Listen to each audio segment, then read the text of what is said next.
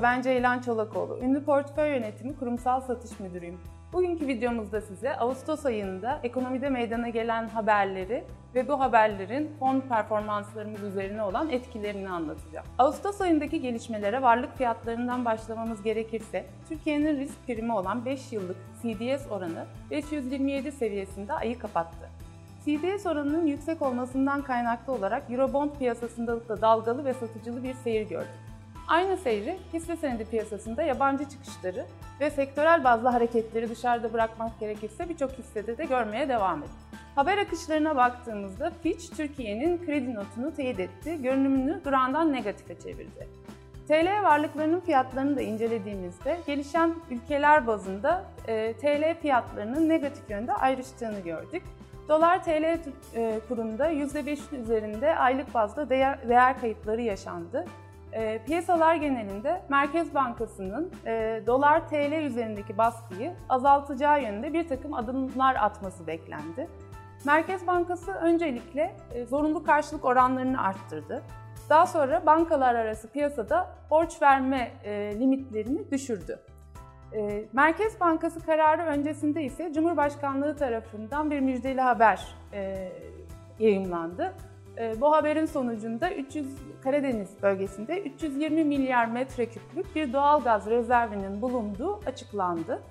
Akabininde Merkez Bankası'nın politika faiz kararı açıklaması geldi. Merkez Bankası ise faiz kararını 8.25'te sabit tuttu.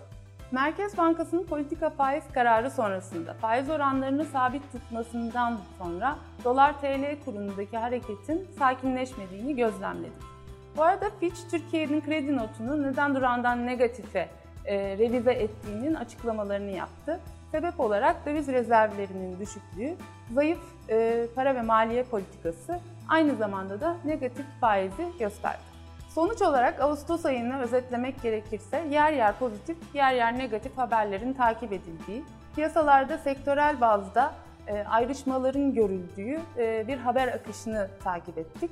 Olumlu olanlara geçersek Türkiye açısından özellikle 320 milyar metreküplük doğal gaz rezervinin bulunması ve bunun ileride ekonomiye olabilecek olan etkileri bizim için önemli bir gelişmeydi.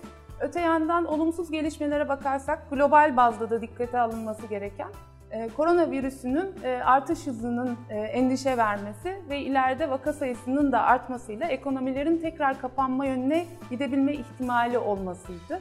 Bu bağlamda da zaten yurt dışındaki merkez bankaları da yaptıkları açıklamalarda, tutanaklarında ekonomiye olan koronanın etkilerini elimine edecek e, faaliyetlerde bulunacaklarını tekrar teyit ettiler. Ağustos ayı rakamsal verilere baktığımızda genel olarak TL varlıklarında değer kayıpları gördük. Ne yazık ki birçok hisse senedi yine e, çarpan bazında değerlerinin altında kalmış oldu. Hisse senedi piyasası %4.30'luk bir değer kaybı yaşadı. Bunun yanı sıra TL'de dolar karşısında %5'in üzerinde değer kaybı yaşamış oldu. Öte yandan bizim fonlarımızdan bahsetmek gerekirse e, biz fonlarımızda genel olarak temkinli e, halimizi devam ettirdik. Çünkü piyasadaki haber akışlarının e, dalgalı seyrinin yatırımcılarımıza zarar vermemesi ön plandaydı bizim için.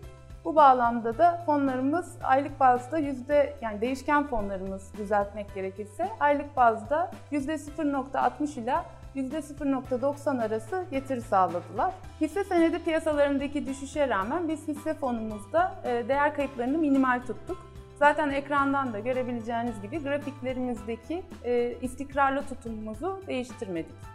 Fonlarımızla ilgili olarak detaylı bilgileri almak isterseniz Ünlü Portföy'ün internet sitesinden detaylara ulaşabilir. Oradaki iletişim bilgilerimizden bizlere ulaşıp sorularınızı yönlendirebilirsiniz. Zamanı kazanca dönüştürmek için Ünlü Club'ı takip etmeye devam edin.